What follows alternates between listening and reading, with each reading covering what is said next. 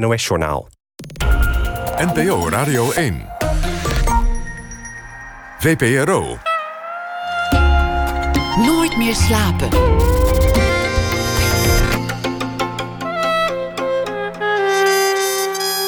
Met Pieter van der Wielen. Goedenacht en welkom bij Nooit meer slapen. Ineens wordt het vroeger donker, voel je de kou en bedenk je je dat de winter weer voor de deur staat. Leuk was het nooit, krabben en kleumen, de duisternis. Of nou ja, je moet ervan houden. Ineens lijken lockdown en avondklok ook terugkerende seizoensrituelen te worden. Er is een boek, Winteren, en daarin pleit Catherine mee voor het winteren. Dat wil zeggen het meebewegen met het seizoen. Zoals ik het las, kan dat ook een metafoor zijn. De winter in je leven kan ook midden in de zomer toeslaan. Ariane Schluter heeft het boek uh, vertaald tijdens die vorige, voor velen saaiste winter aller tijden. Ariane Schluter, een van ons uh, lands meest gevierde actrices. Ook te zien vanaf komende week in de voorstelling Stille Nacht am Silberzee als verteller. En het is een uh, voorstelling gebaseerd op muziek van Martin Fonse met een tekst van Joachim Robrecht en Artoon Alaska Arasli. Ariane Schluter was in uh, vele films en toneelvoorstellingen te zien, onder meer in Lucia de B. Ze won meerdere keren de Theodor en werd geboren in 1966. Ariane, welkom. Leuk dat je er bent. Ja, vind ik ook. Je, je, je hebt een beetje last van je keel, hè? Je, je stem is, uh, ja. is moeizaam. Ja, je hoort het meteen inderdaad. Ik ben uh, nogal wat schoor. Ik heb een virus op mijn stem opgelopen. En uh, ik ben al blij dat ik überhaupt dat geluid kan uitbrengen. Maar ja, daar zullen we het mee moeten er, doen. Tegen, moet je er sinds een hele tijd al bij zeggen... Het is geen corona. Zo, ja. Mijn beide benen zijn geamputeerd, maar geen zorgen, het is geen corona. het gaat ja, allemaal. inderdaad. Ik heb ook, dat moet ik zeggen, wel meteen een test gedaan. En, uh, maar gelukkig was het uh, inderdaad geen corona. Het was een hele, heel doodgewoon virus. Ja. Het is wel je instrument, je, je stem. Ja, ja. Ja, ik heb hem wel even geknepen afgelopen weekend. Want we hadden een uh, laatste doorloop bij Zielberzee van Stille Nacht. En gisteravond was... Ik was erbij, ja. Ja, ja. Ik, ik zag je werken. Ja, ja het was wat. Het, uh, we hebben gelukkig hele goede mensen bij Zilberzee... die ervoor zorgden dat via die microfoon... dus zelfs het kleinste geluidje opgenomen... weet je wel, dat je dat echt dat het zodanig versterkt was... dat het toch helemaal een wereld kon oproepen. Maar die avond, zaterdagavond, was ik volledig mijn stem kwijt. Waarschijnlijk had ik er toch door de adrenaline een beetje doorheen geduwd. Dus toen heb ik, oh, toen heb ik er zo over ingezeten. Want zondagavond was de première in, of de eerste voorstelling bij November Music Festival in Den Bosch, in de Grote Kerk. En uh, ja, er zijn natuurlijk waren heel veel kaartjes verkocht. Heel veel mensen zouden komen. En uh, natuurlijk onze voorstelling die eindelijk een jaar later kon gaan spelen. Ons concert. Omdat hij eigenlijk vorig jaar zou hebben gespeeld, maar dat ging niet door, door de lockdown. Dus uh, ik heb, uh, nou ja, iets van twintig uur lang mijn mond gehouden, niks gezegd. Dat doet ook iets heel raars met je hoofd. Om, om je stem te sparen. Om je, ja, om mijn stem te sparen. Want ik wist ook, okay, die slijmvliezen die moeten slinken. En toen, ja, toen is het toch heel goed gegaan. Dus dat is heel fijn geweest. Kennelijk doe je ook iets op je adrenaline. Waardoor er... Um, ja, het niet te horen was, ook op de een of andere manier. Nu is hij wel lekker schoor, maar... Maar dat voegt wel iets toe. Het klinkt, het klinkt doorleefd. Ja. Het, heeft, ja. ja. het is nog wel. Uh, het is een bijzondere voorstelling die, die jullie nu aan het spelen zijn. Ja. Het, het, het, het, het heeft een soort referenties van uh, de zee van Debussy, bijvoorbeeld, muzikaal. Ja. Het komen en het gaan van, van de golven, zo'n ja. een soort getijde zit erin. Het doet denken aan. Uh, ja, waar doet het nog meer aan denken? Een soort Odyssee, maar dan op het water. Ja, zeker, ja. Ja, het is, uh, de schrijvers hebben het geënt eigenlijk op het gedicht Le Bateau Ivre van uh, Rimbaud uit 1871. Het dronken schip.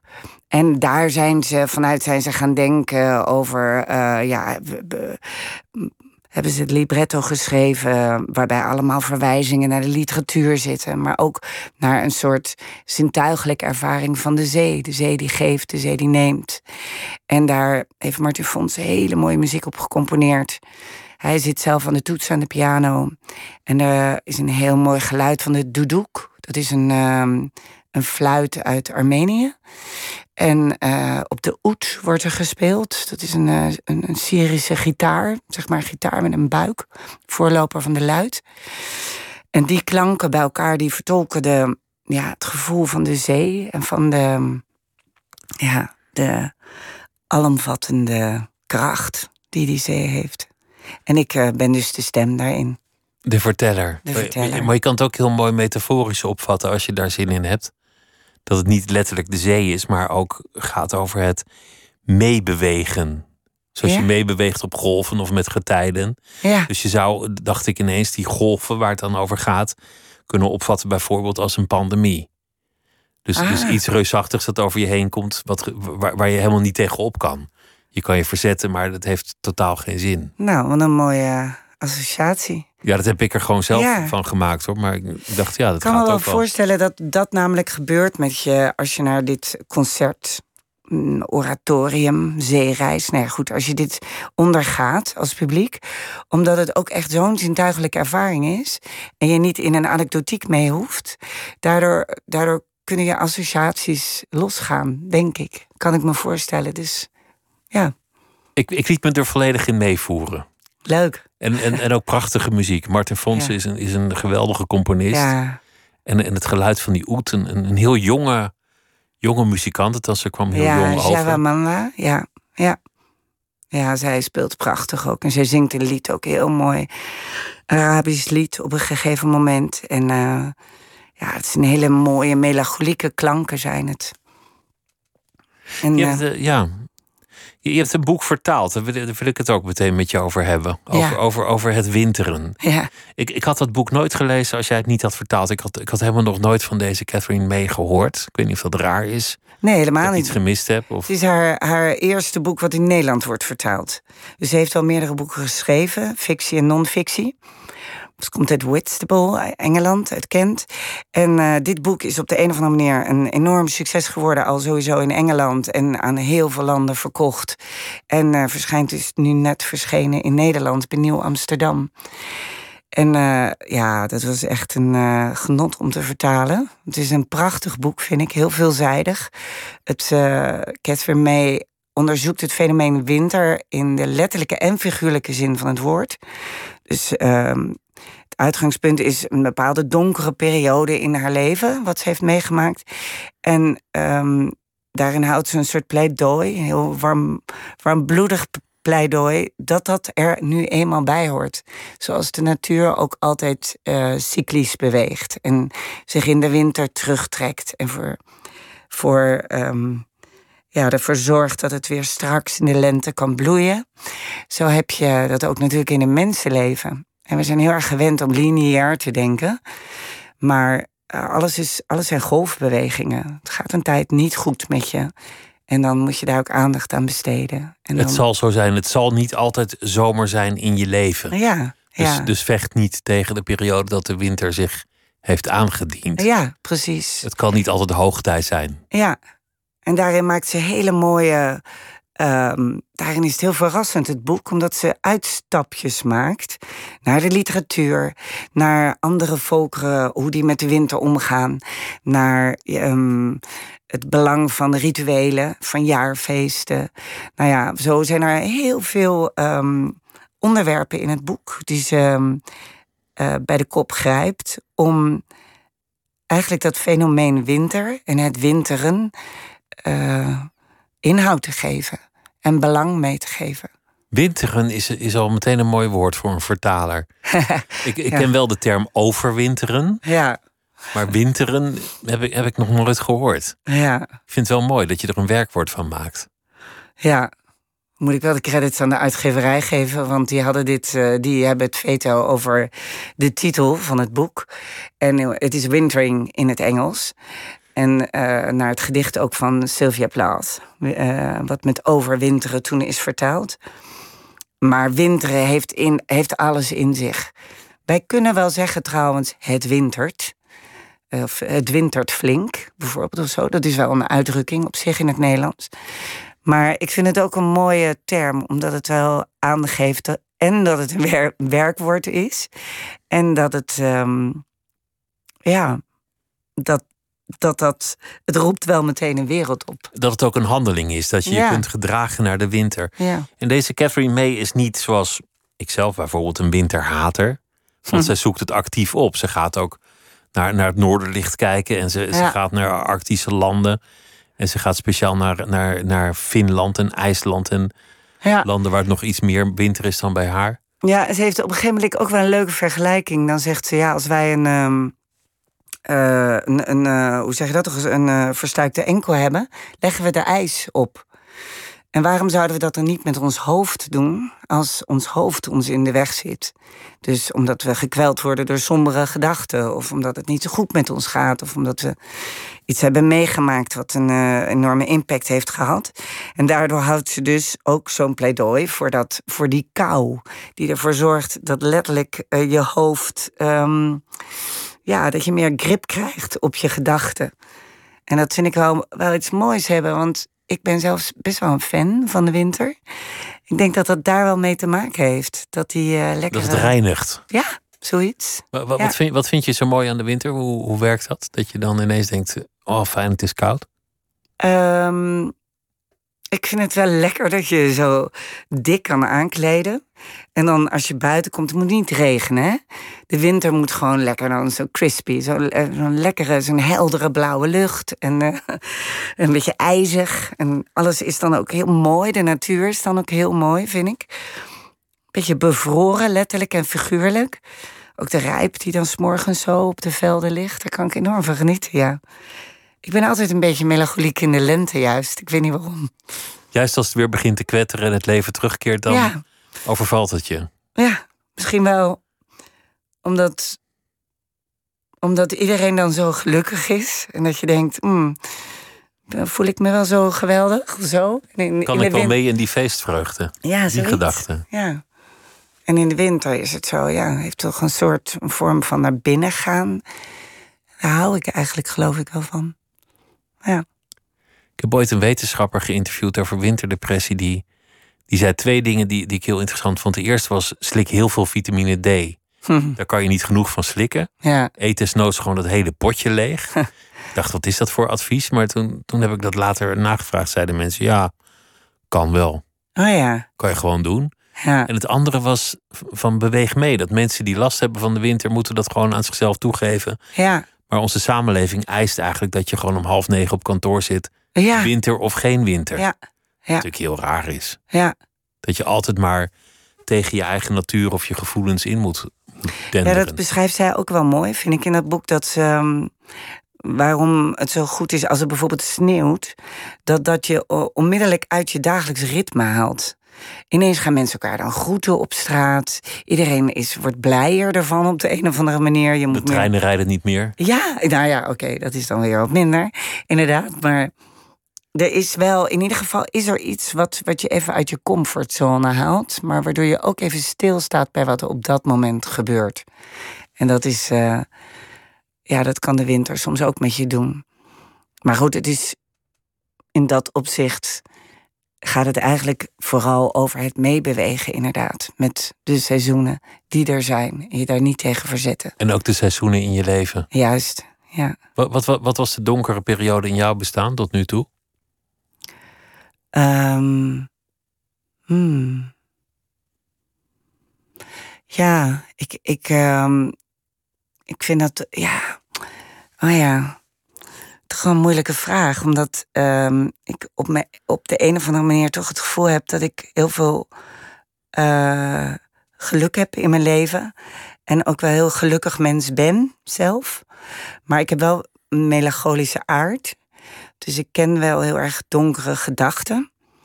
Dat is trouwens ook waarom het vertalen mij zo heeft gegrepen. Misschien wel bijna omdat je je gedachten zo kunt kanaliseren daarmee.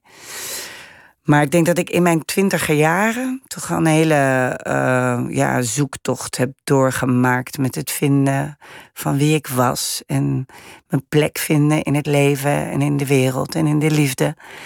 Dat vond ik wel een hele lastige periode.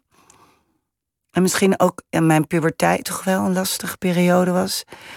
waarin ik uh, in het spelen echt een enorme uitlaatklep heb gevonden. Om vorm te geven aan enorme emotionele innerlijke uh, beroeringen, waar ik maar geen uiting aan kon geven. Ik was best wel introvert. En op het toneel kon ik daarin me uiten. Dat gaf een, uh, ja, dat gaf wel een mogelijkheid of zo. Terwijl ik tot mijn twaalfde eigenlijk um, veel meer een, uh, een uh, boekenwurm was. ik zat altijd in de boeken, ik zat altijd te lezen.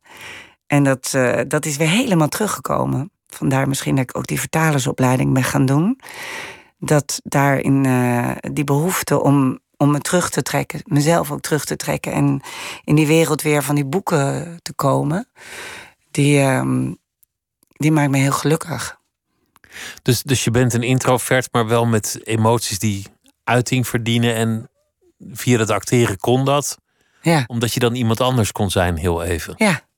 Dat, dat het toch niet over jou ging. Dus je mocht gillen. Ja. En je mocht, je mocht emotioneel zijn, of, of, of uitbundig, of heel vrolijk, of ja. wat de rol maar vroeg. Ja. En dat werkt wel als uiting van emotie. Ook al zijn het Zeker. niet echt jouw emoties. Ja. ja, omdat je toch je eigen instrument bent. Je geeft de, het personage met diens emoties geef je door met jezelf. En dat is, ja, dat is op een bepaalde manier ook, ook uh, het is ook een vak, hè? Het is ook gewoon een ambacht.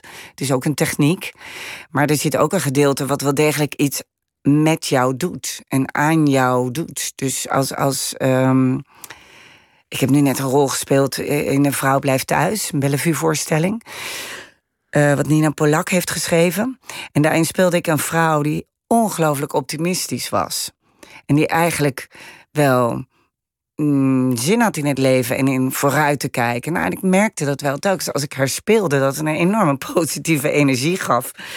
En tegenovergestelde echt daarvan was als ik Medea speelde van uh, Euripides, wat toch een van de zwaarste vrouwenrollen zijn. Omdat is, je, dat je je zijn. eigen kind moet, moet vermoorden in die ja, rol. Ja, een diep gekwetste vrouw die op die manier wraak neemt op haar man. En uh, dat vond ik altijd een ongelooflijke opgave om dat te spelen en om die, die zwarte wereld in te gaan. Dus natuurlijk, er is, de, en tegelijkertijd is het ook lekker om dat allemaal te doen, weet je, om dat, al die grote emoties door te leven. Maar ik merk wel dat, um, dat ik ook veel meer behoefte aan die andere kant krijg. Dus uh, veel. Die kant die er ook ooit was, de, Ja. de kant van de taal. Ja, ja. Maar niet zelf schrijven. Du- Dus toch weer de vertolker zijn van iemand anders. Zoals Ja, je dat ja, in het acteren eigenlijk ook bent. Ja, ja, klopt. Ja, in dat opzicht lijkt vertalen echt op acteren. Omdat je toch andermans tekst eigen maakt. En eh, met jouw ambacht, ambachtelijkheid eh, doorgeeft op de een of andere manier. Ik hou ook van het, van het wiskundige wat vertalen is. Hè? Het is heel, eh, Heel precies, heel, heel nauwkeurig. precies. Ja, ja, en tegelijkertijd voel je, zie je een boek tot leven komen, een verhaal tot leven komen, wat, ja, ook al lees je het helemaal in het Engels, als het dan in het Nederlands verschijnt, is het toch nieuw, een ander boek. Dat is best wel magisch aan het vertalen, vind ik. Het is, het is aan de ene kant dus gewoon het omzetten, letterlijk en figuurlijk. Nou goed, het omzetten naar die andere taal. Maar aan de andere kant komt er ook echt een ander boek bovendrijven. En die, die, ehm, die, die sleutel daarvoor vinden, dat is, eh, dat is een heel mooi soort werk. Je moet dus heel goed analyseren wat de stijl is van de schrijver in de brontaal, in het Engels in mijn geval. En wat de doeltaal noemen we dat, dat is het Nederlands dan. Hoe je dat zodanig daarin krijgt dat je hetzelfde gevoel oproept bij de lezer. Dezelfde toon. Ja, ja. En dat, dat is iets ehm, onbenoembaars, toch? Het is een wonderlijk beroep, want, want ja, ik heb, het, ik heb het boek gelezen en echt met heel veel plezier gelezen. Maar hoe jij het dan vertaald hebt, ik ga ervan uit dat je het dan heel goed hebt gedaan, omdat het, dat het lekker leest. Ja, Maar ik heb natuurlijk niet de Engelse versie. Dus, Nee. dus eigenlijk is je doel om onzichtbaar te worden als, als vertaler. Ja, nou ja, dat, je moet er altijd ook vanuit gaan dat de lezer niet de Engelse tekst erbij heeft. Dus het moet in zichzelf in het Nederlands een, een goedlopende tekst zijn natuurlijk. Maar eh, als jij het als een geheel ervaart of dat het soepel loopt, dat, daaraan kan je voelen of het, een, of het een lekkere vertaling is. Maar in dat opzicht heeft een vertaler ook veel onzichtbare macht. Want eh, ik kan me ook heel goed voorstellen dat je een boek ook naar God kunt helpen. Ik weet nog dat bij mijn eerste boek kwam de, heb ik de, de Engelse schrijfster ontmoet. En die zei: Het is een act of trust. Ehm, omdat je, zij kan natuurlijk geen Nederlands lezen. Dus ik kan nooit controleren of dat Nee. goed gebeurd is. Nee, nee. Dus dat moet best bijzonder zijn, ook voor schrijvers, eh, als hun boek naar een andere taal wordt omgezet. Maar je hebt dit, dit vertaald tijdens die winter toen iedereen binnen zat met een avondklok. En Ja, ik, ik heb dat ook wel een beetje als een grimmige tijd ervaren. Hoewel ik gewoon netjes kon doorwerken zelf. Maar voelde, Ja. voelde wel de, de, de repressie en de, de angst. En ook, ja, ook de, de onmetelijke saaiheid van het leven. ja. En, en jij, zat, jij zat binnen en het was dan eigenlijk misschien wel een fijne tijd ook wel. Eh, ja, ik, ehm, ik eh, had geen financiële zorgen omdat ik het boek kon vertalen. Dus dat moet wel, moet ik zeggen, dat woog mee. Maar verder vond ik het een heerlijke tijd, als ik eerlijk ben. omdat ook door het vertalen, maar ook omdat er eindelijk gewoon niet die fear of missing out was. Dus daardoor kon je heel. Kon ik in ieder geval heel sterk voelen wat ik zelf wilde. Zonder dat ik het idee had dat ik geleefd werd. Of dat ik eh, aan een prestatiemaatschappij mee moest doen. En dat heeft me wel heel erg doen inzien dat er. Ja, toch best wel vaak ook. Dat je meedoet in de vaart der volkeren om. ehm, om mee te doen. Of om. Omdat je bang bent dat je anders iets mist. Of dat je. Ja. Dat het zo hoort. Ja. Dat het van je verwacht wordt. Ja. Terwijl wat je echt diep van binnenuit wil, dat, ja. Ik vond dat toen eigenlijk heel prettig, op de een of andere manier. Ja. Om je af te zonderen in alle rust en te Ja. werken aan een boek over de winter, midden in de winter. Ja, In, in al die stilte. ja. Wat, wat is eigenlijk het moment geweest dat je, want dat is al een paar jaar geleden, je hebt een opleiding gedaan tot vertalen, dat je dacht, ik ga het gewoon doen. Want je, want je Ehm. hebt een prachtige carrière als actrice, dus je had er ook voor kunnen kiezen om dat nog tot den einde fulltime te blijven doen. Ja, nou, nee, dat zag ik niet voor. Ik zag niet voor me dat ik op mijn 75ste, bijvoorbeeld, hè, dat ik dan nog zou spelen, of alleen maar zou spelen. Nu denk ik inmiddels, oké, als het samen met het vertalen is, dan vind ik het heel erg leuk. Maar ik kon me niet voorstellen dat dat het enige was wat ik zou doen. En eh, ik heb helemaal geen regieambities. Want ik ken best wel veel spelers die dat op een gegeven moment er ook gaan doen daarbij. Ehm, ja, en dit was een hele oude liefde, oude wens. En het, was, het ging heel vanzelfsprekend. Ik ben in 2015 eh, weggegaan bij het Nationale Theater, waar ik toen speelde, waar ik vast in dienst was. En toen brak er echt een hele. Ja, toen voelde ik ineens een vat van mogelijkheden. Ik kon weer. De toekomst lag open op de een of andere manier. En dat vond ik heerlijk. En dan, toen popte dit meteen op. Ineens wist ik ook van, oh ja, natuurlijk ga ik dit doen. Dus ik ben die opleiding gaan volgen, twee jaar lang. En dat was trouwens eh, best wel geen onverdeeld genoegen altijd. Want je zit ineens weer in de schoolbanken. Dus je moet ook weer de rol van leerling aannemen. Terwijl je ja, daar toch eh, ook zo je gedachten over hebt op dat moment. Maar ik heb daar ontzettend veel geleerd. En het was een hele, hele fijne opleiding. En ehm, ik was heel trots ook toen het klaar was. En dat het gelukt was. En dat ik geslaagd was. En eh, ja, toen heb ik het langzaam, ben ik het zo gaan uitbouwen. Wel interessant, want het is een leeftijd dan. Ik, ik zit even heel snel te rekenen, maar dat je, dat je eigenlijk ook kan kiezen van, nou ja, gaan we gewoon rechtdoor Ja, deze weg en de jaren gaan steeds sneller. ja, nee. Dat is een neurologisch proces. Dat het, het lijkt alsof ieder jaar steeds korter duurt. Dus voor je het weet ben je dan, nou ja, ben je 75 Ja, of 89 of zoiets. nou ja, En ja. toch, toch ineens die Nee, beslissing, ik ga het niet doen. Ik ga het, ik ga het anders doen. Ik ga het omgooien. Zeker, ja. Weg met die vaste aanstelling, Ja, erop uit. ja. Maar dat is altijd wel een diep verlangen geweest. Ik zou nu ook nog zo weer een studie willen doen. Gewoon, dat, ik weet niet, dat, dat stopt nooit, denk ik, in mijn hoofd. De behoefte om te leren. Ja, ja. En wat was het moment dat je dacht, ik zeg die baan op? Die vaste aanstelling? Want een felbegeerde plek die jou... Ehm, ja, ik was niet meer gelukkig in het spelen. Ik voelde me niet meer, ja...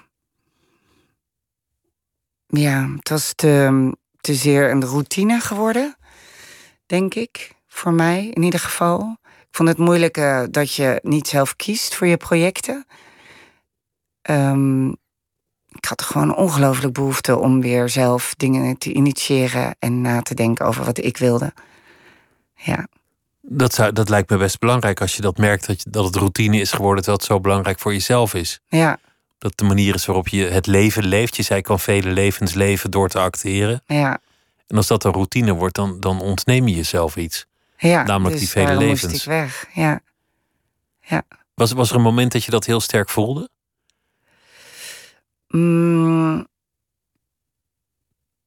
Nou, niet één moment. Het is ook een beetje een optelsom door de tijd heen dan, denk ik. Maar ik denk dat ik altijd wel een haat-liefde verhouding heb gehad met spelen. Dat ik het, ik hou er zielsveel van en het is ongelooflijk belangrijk voor me.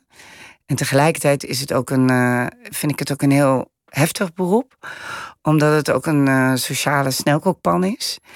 En het is ook een. Ja, je ligt ook onder een vergrootglas. En eh, je wordt veel beoordeeld. En ja, dat hele, dat hele kinderlijke van waaruit het is begonnen, weet je wel? Dat willen spelen en ontsnappen aan jezelf en andere levens leiden. Dat, dat gebeurt gewoon niet altijd. Niet in iedere rol en niet in iedere, iedere voorstelling. En daarvoor is het me misschien ook te lief om dan ehm, heel veel achter elkaar maar te spelen en door te gaan en door te gaan. Maar wat je eigenlijk zegt is dat je wil verdwijnen via het spel. Een beetje. Hm? Terwijl, terwijl voor veel mensen het spelen juist een manier is om in de wereld te komen, gezien te worden. Nou ja, applaus te krijgen, in het licht te staan. Aandacht te krijgen. En dat is dus een kant die, die jou eigenlijk niet heel erg trekt. Of, of sterker nog, je wilde juist niet. Nou, ik, heb er een. Ik, ik hou ook heus van aandacht en van applaus en eh, complimenten. Maar ik heb wel een haat-liefde verhouding met de openbaarheid daarvan. Dus eh, het feit dat je. ehm, Ik kan me nog wel gevoel herinneren. Dat, dat ik eigenlijk onder een deken wou liggen en eh, vrij somber was. En dat ik dacht: oh, nu moet ik me weer laten zien. Snap je? Weer dat podium op. En het is, voelt bijna tegennatuurlijk. Ik had eigenlijk een, bedenk ik me nu, een winterbehoefte.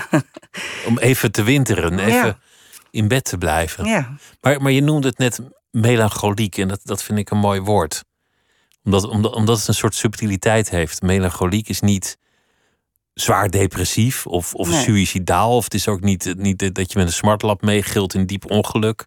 nee, Het, het is subtieler. Ik wil ook niet zeggen dat je ongelukkig bent. nee Maar zeker melancholiek niet. is, is gewoon een, ja, een, een subtiel, subtiele onderstroming in je emotie. Ja, ik denk dat ik daarom, ik hou ook van, van boeken en gedichten die, die die melancholie in zich hebben. Mag ik erin? Ik echt, dat is zo'n mooi gedicht van eh, Ida Gerhard, is Ja, ja. dat?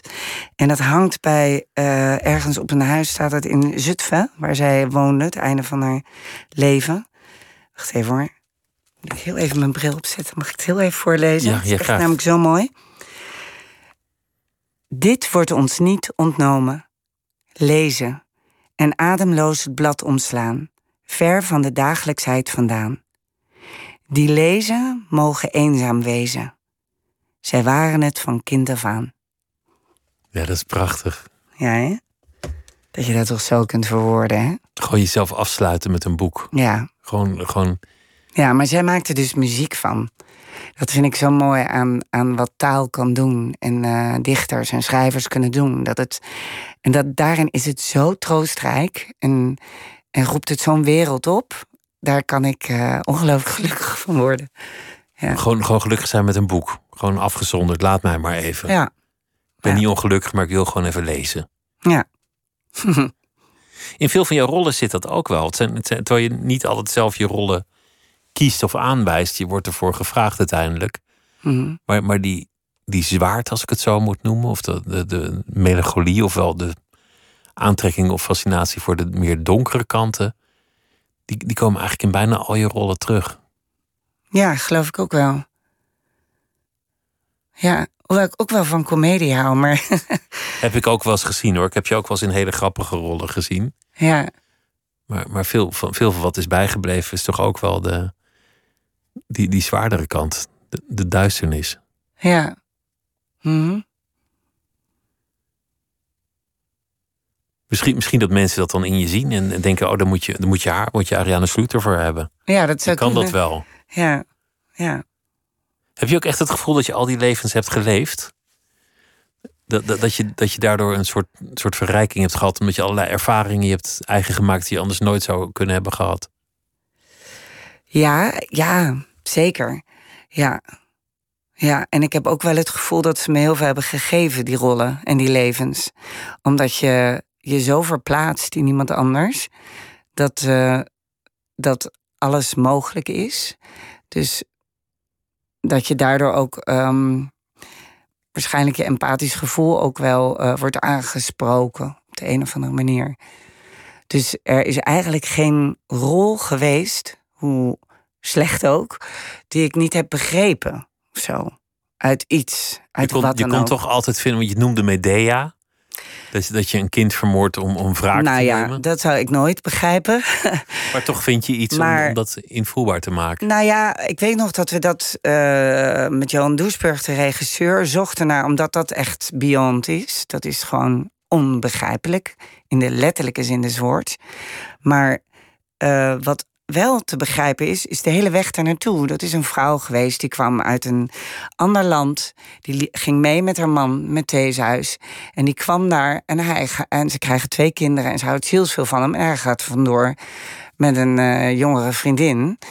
En zij laat haar alleen achter. Hij laat haar aan een lot over. En ze heeft niemand. Ze heeft haar hele familie achtergelaten voor hem. Dus ze is volkomen alleen. En ze wordt niet geholpen door de koning daar, door Creon. En zij, eh, ze staat dus met de rug tegen de muur. En een kat in het nauw doet ra maakt rare sprongen. Dus tot zover kon ik volledig met Medea meegaan. Dat lijkt me een goede basis om de rol te spelen trouwens. Maar ja, en dan geeft de taal van, van Euripides doet de rest.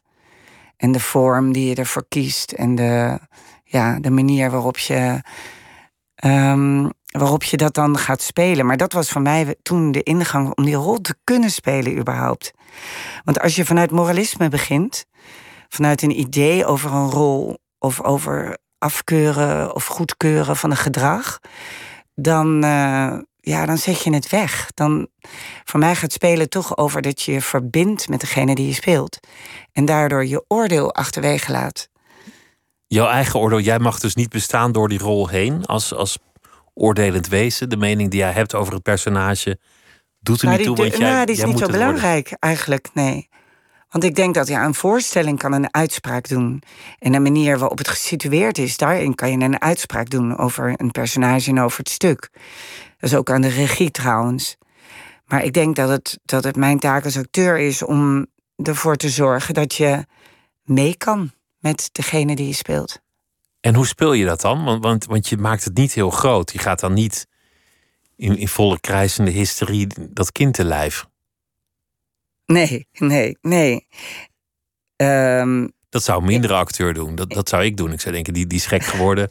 Dat gaan we heel groot maken. Nou ja, eh, in het geval van Medea speel, eh, is de taal zo leidend. Het is zo, eh, met een korte ei, zo ehm, eh, sturend eigenlijk in, in hoe je dat speelt. Omdat die natuurlijk ook nog moet komen bovendrijven. Dus je krijgt een, je hebt al een vorm, zeg maar. Maar goed, ja, nee, dat verschilt echt per personage hoe je het aanpakt. En met name welke regie daar eh, op zit, natuurlijk.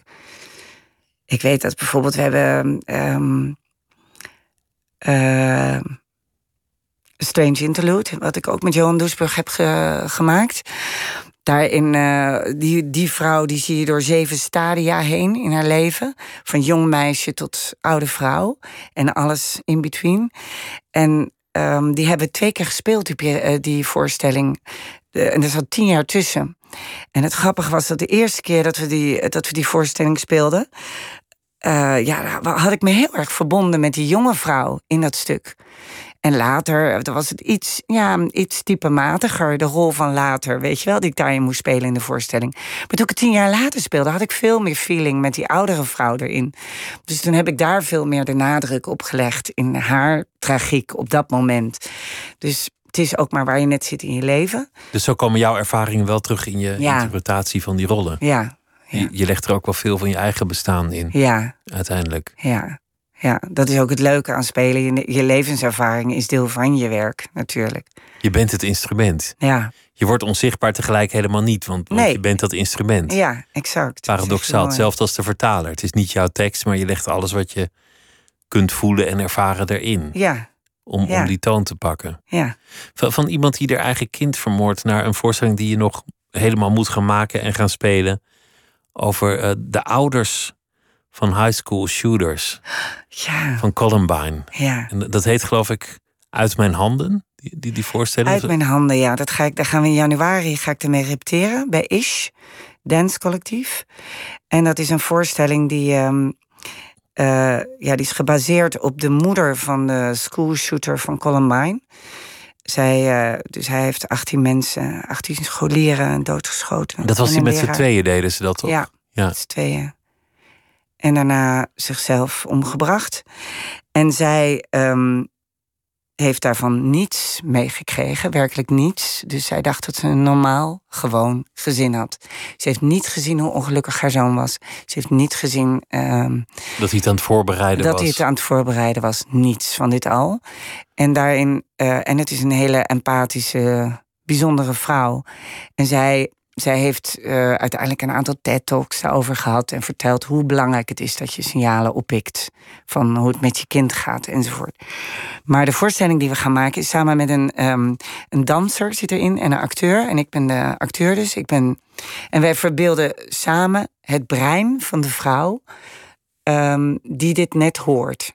Dus eigenlijk van een kapot brein, wat langzaam de veerkracht moet vinden om weer door te kunnen met leven. En de Want, liefde. want zij, zij werd gebeld en ze kreeg te horen: bedenken dat er geschoten wordt op de school van je kind. Ja, Dan, dan gaat ze daar naartoe, wordt Ja. op afstand gehouden.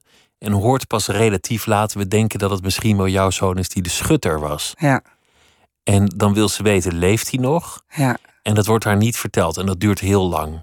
ja, En uiteindelijk zegt de politie, omdat ook in een soort woede, omdat inmiddels die zoon ook de duivel was, mhm, heel terloops op, op een echt nare manier, eh, ja, hij is dood. Mhm, Dus zo hoort zij dat er, dat er zoon is overleden. ja, Wat, wat al heel tragisch is, want, want het is een moeder die haar kind kwijt is. En dan ook nog die enorme schuld ja, in die gemeenschap in de schoenen geschoven, geschoven Ja. krijgt. Alsof, ze- alsof haar iets te verwijten viel. ja, ja. Het is het ultieme drama. Dat uiteindelijk je niet kan rouwen om je kind. Omdat mag, er. mag rouwen, want mag hij is, rouwen. Ja. hij is Satan geworden. Ja, ja. Ja, dat is onvoorstelbaar. Daar, daar kun je gewoon niet bij wat het moet zijn geweest voor haar. En het is een hele tragische. ehm, ja, dit, dit, dit is een waanzinnig tragische gebeurtenis. Maar wat we met de voorstelling willen gaan doen, is dat het een, een, ehm, een zintuigelijke ervaring, wederom, wordt eh, over hoe je eigenlijk, hoe, wat je brein doet op dat moment. Dus al die dingen die, die door dat hoofd gaan, al die emoties, Ja, en hoe de. waarnemingen. Ja, en omdat eh, je zult letterlijk en figuurlijk kortsluiting krijgen in je hoofd. Dus er moeten weer nieuwe paadjes worden aangelegd bijna om, om überhaupt door te kunnen leven. Omdat je natuurlijk denkt, dit is ondoenlijk. En eh, dat gaat op een, op een ja, ja, op een, op een, eh, een soort eh Beckett-achtige, Wilson-achtige manier gaan we dat aanpakken. Heel spannend, heel spannend project vind ik het. En, en wat bedoel je met een, een Beckett-achtige Nou, manier? het, het zal niet anekdotisch zijn, zeg maar. Er wordt niet verteld wat er precies gebeurt. En ik speel ook niet per se de moeder of zo. Het is alleen, je ziet pardon, je ziet uh, dus een vrouw en een man, dat is uh, de danser, die op die manier uiting geven aan, aan, um, ja, aan die krankzinnige emoties die er zullen hebben plaatsgevonden. En dat, dat gebeurt in een soort, ja, ik stel me zo voor, een beetje um, spoken word-achtig, uh, waarin de taal op op, op een andere manier het gefragmenteerde gebied in het hoofd kan vormgeven. We gaan het uitproberen hoe het, uh, hoe het zal zijn. Het is wel, wel interessant hoe je dat kan laten ondergaan, wat er in een hoofd tegelijk kan gebeuren. Op, op het ITVA zal ook een film draaien waarin meerdere ouders van high school shootings ja, klopt. Uh, aan het woord zullen komen. En dat is ontzettend interessant, die, die, die film. En ook, ook zeer, zeer aangrijpend. Heb jij hem gezien? Ja, die, die heb ik Oh, al. Die, nog niet. een linkje los weten te bedelen. Oh joh. Maar een van de wonderlijke dingen was, die, die ouders blijven toch uiteindelijk achter dat kind staan. Sommige Ja. van die kinderen die, die hebben het zelfs overleefd. Mhm. Hele lange gevangenisstraf. Maar die ouders die laten dat kind niet los. Nee. Ook al kunnen ze die daad niet begrijpen en Ja. er niet achter staan. Maar dat, dat werpt ook een perspectief wat je eigenlijk nooit hebt gehoord. Namelijk bijvoorbeeld op Columbine. Dat het treiteren op die school Mhm. zulke absurde vormen aannam. Ja. En natuurlijk, de slachtoffers zijn de slachtoffers en de daders zijn de daders. Maar als je hoort hoe onvoorstelbaar ver dat treiteren daar ging, Ja. geeft het wel een achtergrond van de gebeurtenis. Ja. Zeker. Ja. Het biedt wel een kader. En natuurlijk die, die Amerikaanse wapenwetgeving. Ja. Want, want bij- bij ons had je ook wel eens iemand die op school flipte, maar die kwam dan naar school met een blaaspijp en besjes. Want meer kon hij niet vinden. Maar daar kan je bij de kast van je vader en heb je een mitrailleur. Dat is natuurlijk wel echt Mhm. iets anders. Mhm. Dat, dat is ook een aspect dat, dat wel eens genoemd mag worden. Mhm. Maar ik vond het wel interessant dat je, dat je als je die ouders hoort, dat je toch een perspectief. Niet om, om die daden goed te praten, maar ze, ze zien toch wel waar het vandaan komt. Ja, en dat is ook het complexe natuurlijk. Je, hebt, je, je houdt zielsveel van je kind. Dus dat zal nooit stoppen. Die liefde Wat hij ook doet, die is, die is echt onvoorwaardelijk. Ja, Die liefde. ja, Een gruwelijke, gruwelijke geschiedenissen Ja. zijn dat. ja, En best wel veel. Best wel vaak gebeurt inmiddels. ja. Mhm. Je, je, hebt, je hebt ook de, de, de rol gespeeld, en, en die wil ik nog even aanhalen, omdat die eh, recent ook, ook weer heel veel genoemd werd van, van Lucia de Berg. De- Ja, En, en die, die, werd, die werd aangehaald onder meer omdat de veroordeling een, een succes is geworden. ja. En dat, gaat, dat is een Mooie film ook. prachtige film. Ja, Die gaat over een journalist die gelooft in de onschuld. Denkt dat er een gerechtelijke dwaling is en uiteindelijk erop terugkomt. En denkt dat hij, dat hij het in eerste instantie verkeerd had. ja, En dat de goede dader wel vastzit. ja, Jij speelde iemand die uiteindelijk ook echt bestaan heeft en is vrijgesproken. ja. En ja, het, het merkwaardige aan die rol is dat je iemand speelde die, die er gewoon was. En die ook op de première is gekomen. Ja, ja. Ja, dat, is, dat eh, had ik nooit eerder gedaan. Een, een, iemand spelen, dus inderdaad, die bestaat. Daar voel je een enorme verantwoordelijkheid natuurlijk ook toe. En ik heb haar ook een paar keer ontmoet voordat we gingen draaien. En zij, ehm, ja, dat, dat, dat, dat was heel bijzonder. Want zij heeft natuurlijk helemaal verteld over, over ehm, wat er gebeurd is. En, en tegelijkertijd zit je ook toch iemand te observeren. Hoe, Dat, dat deed je wel. hoe beweegt iemand en hoe praat ze? En eh, ja, ja, ik deed het een beetje besmuikt, want het heeft natuurlijk ook iets raars. Ik heb later wel heel veel YouTube-filmpjes gekeken om natuurlijk ook gewoon haar stem eh, goed na te kunnen doen. Zodat je wel. Ze was ook een, een landelijke bekendheid, dus je hebt natuurlijk ook wel. moet daarin ook wel geloofwaardig overkomen. En. ehm, en tegelijkertijd was, weet ik echt nog heel goed dat zij vertelde dat zij door de gangen liep daar in de gevangenis en dacht: ik, mij zullen ze niet krijgen. Ik hou mijn rug recht en niemand zal aan mij zien eh, hoezeer ik lijd van binnen. En dat was bijna een soort ingang om die rol ook te spelen. Om dus altijd de rug recht te houden.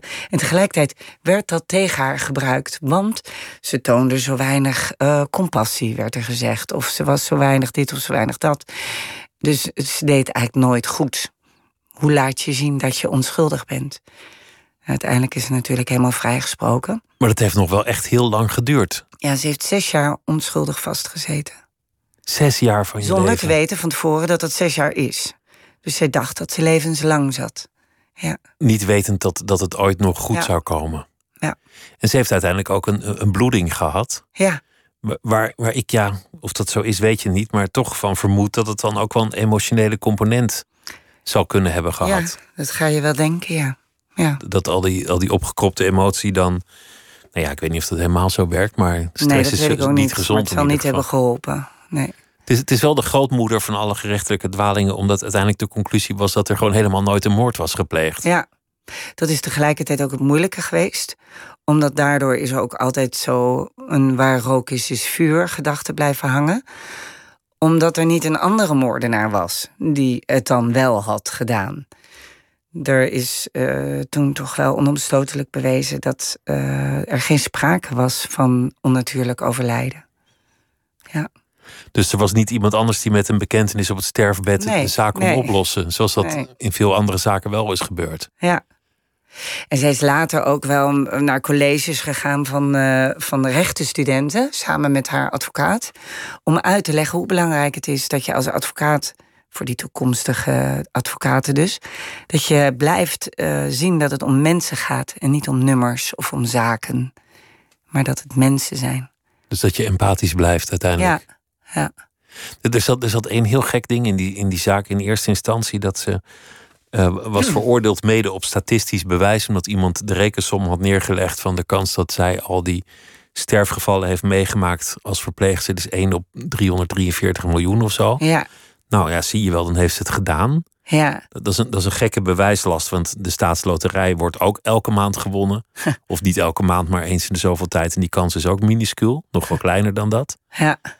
En later bleek, toen had een, een wiskundige dat helemaal nagerekend, dat er gewoon een, een rekenfout was gemaakt met een komma die Ja. verkeerd was geplaatst. Gewoon Ja. een hele komma. Het gaat dus over iemands leven en dan gewoon staartdelingje ja. de komma verkeerd. Ja. ja, dat is eigenlijk het begin geweest van de tunnelvisie.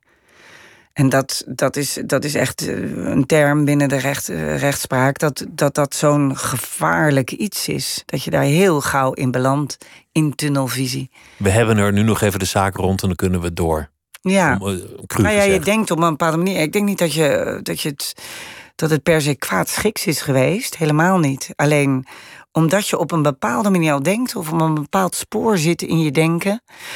Kun je, is, die andere, is dat andere spoor ondenkbaar geworden. Het klopt, alles lijkt te kloppen. Dus Daar ga je naartoe Ja. redeneren. jij gaat er naartoe redeneren, ja. Dus ook was onderzocht met psychologiestudenten dat ze dan de eerste waarheid gaven. En dan een tweede waarheid. Mhm. Eén van de twee kan maar waar zijn. En de eerste blijkt altijd de definitieve waarheid. Oh ja, oh ja, is dat zo? Want, want bij die tweede denk je, nee, dat klopt niet. Ik heb net, net namelijk al gehoord dat het anders oh zit. ja, ja, ja, ja. Zoiets. ja. Zeg, van- van, van al die rollen die je hebt gespeeld, is, is dit een van je meer dierbare gebleken? Lucia de B. Ja, Omdat, omdat, die, omdat die film zo'n succes is geweest.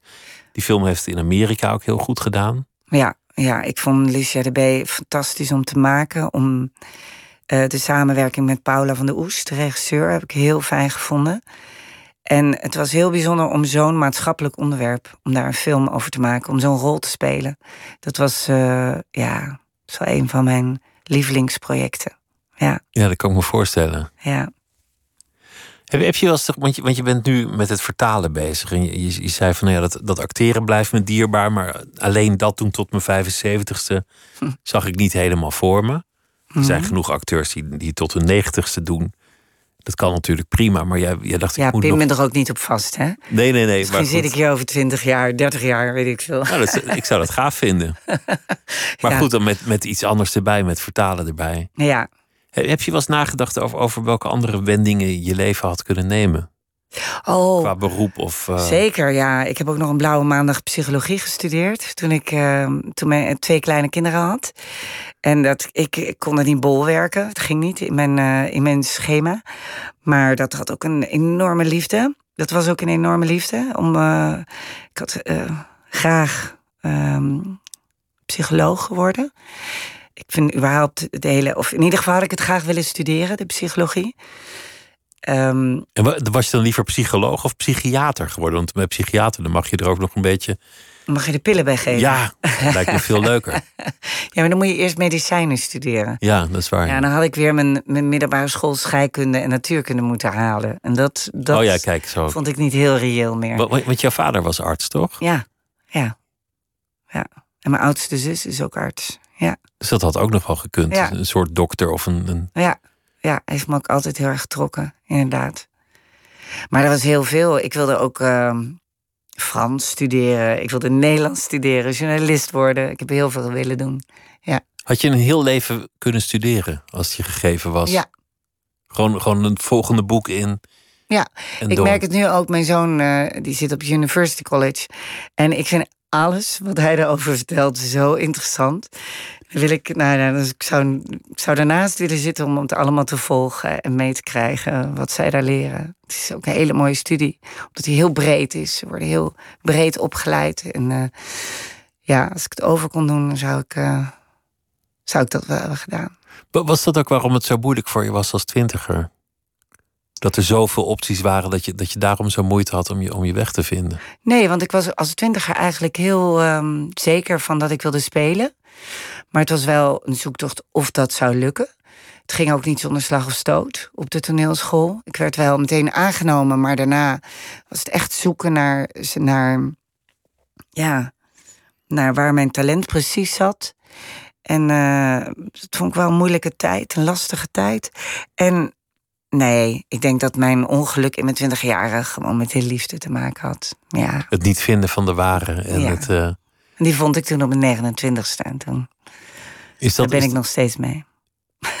Oh, dat is, dat, is, eh, dat is goed gegaan, toch? Ja. Dat is niet iedereen gegeven om, om Nee. al te lang bij dezelfde te blijven. Ja, daar ben ik ook heel erg dankbaar voor. Ja. Hoe is dat gekomen eigenlijk, dat het, dat het gelukt is bij jullie? Is daar een verklaring voor, of weet je dat niet? Oh, Esther Perel, die weet dat, hè? Of Ja, van, dat, die, van die eh, relatietherapeut, wat van de die mooie sleutel quotes. is voor een goed huwelijk. Ehm, mm, meebewegen met elkaar, denk ik. Goed blijven luisteren. Ook hier weer mee bewegen. Ja, nou ja, ja, ja, je hebt natuurlijk allebei je persoonlijke ontwikkeling in het leven.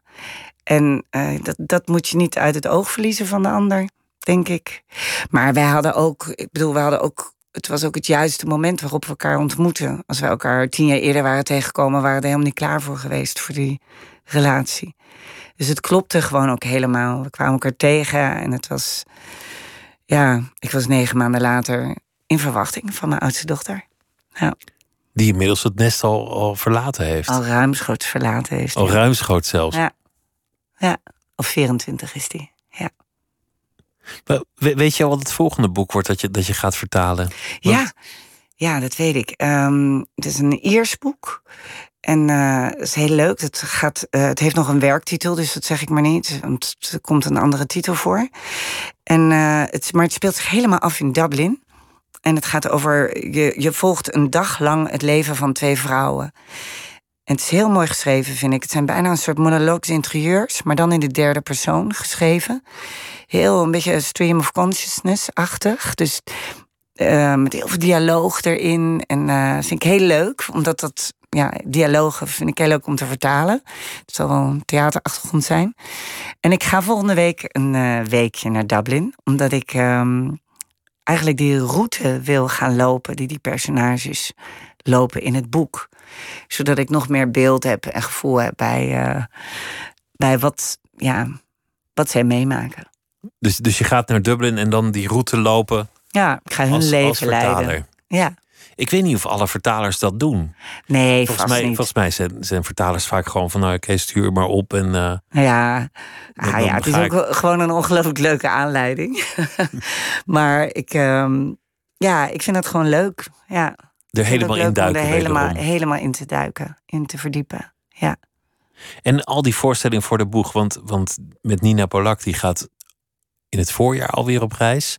Dan, dan ben je nu bezig met eh, Stille Nacht in Zilberzee. ja. Dan komt die voorstelling die je net noemde eraan. Volgens mij zijn er nog een paar projecten die we helemaal niet genoemd hebben. Hm. Dus dat Nee, staat allemaal mij op de was rol. dat het wel ongeveer. Ja, En, dan, en dan is er natuurlijk toch wat, wat iedereen in die cultuursector heeft nu een beetje die onzekerheid van. ja, ga, gaat, gaan we deze tour afkrijgen of niet? ja. Het is toch, Ja. toch een beetje als, als één keer die schoen is gevallen dat je wacht op de tweede. Ja, zeker. Ja. Ja, er is, en er is natuurlijk ongelooflijk bezuinigd een aantal jaar geleden op de hele kunstsector, waardoor het sowieso hangen en wurgen is daarmee. En eh, dit is een hele heftige, lastige tijd voor onze hele sector. En met name voor de freelancers, ook voor de technici en alle dingen die afgeblazen worden. En, en ja, er is laatst ook een oproep gedaan om, om onze sector een, eh, minstens twee jaar te geven om weer te recapituleren, weer op de rit te komen. En niet aan alle verplichtingen te hoeven voldoen voor de subsidieregelingen. En dat daar zou ik ook een warm pleidooi voor willen houden, want het is eh, echt desastreus wat, er, eh, wat het betekend heeft voor de hele cultuursector. Echt een gruwelijke wind. En, en hoe ga Ja. jij daar nu mee om?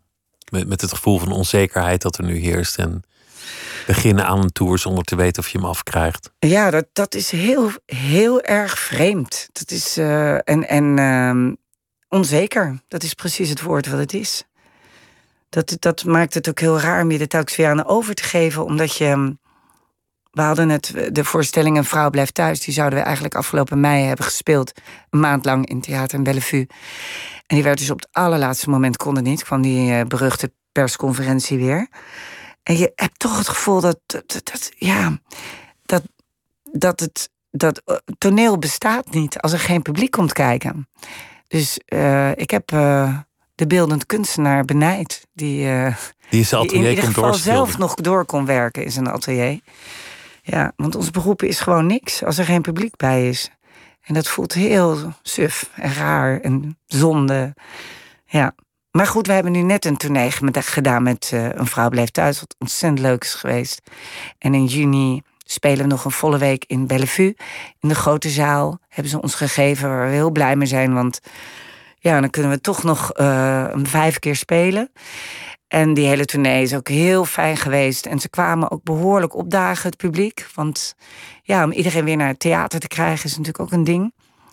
Maar eh, we hebben goede hoop, absoluut. Zoals het boek zei, meebewegen. En dat is eigenlijk het, eh, de grote les van het winteren. Ja, Je hebt het niet voor het zeggen. Er zijn Nee. seizoenen. ja, En je, je, moet, je moet gewoon maar meebewegen. ja, Anders, anders doe, je, doe je de werkelijkheid geweld aan. ja. Je stem heeft het, eh, heeft het goed gehouden dit uur. Hè? Ja. nou, nog, nog een beetje thee en honing. En ik, eh, ik hoop dat je weer eh, goed bij stem zult zijn voor de hele reeks voorstellingen die er aankomt. En het was een genoegen om met je te praten. Ariane Sluter, dank je wel. Jij ook. En dit was Nooit meer slapen voor deze nacht. Zometeen kunt u luisteren op NPO Radio 1 naar Miss Podcast. En morgen dan is Louise Fresco hier te gast. En die heeft ook een nieuw boek uitgebracht. Graag eh, tot morgen.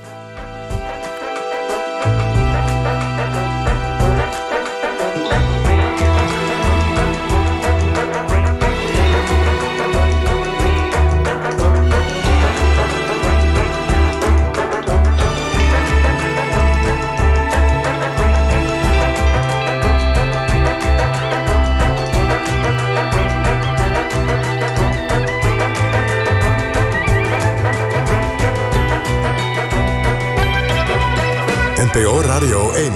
Wie luistert, weet meer.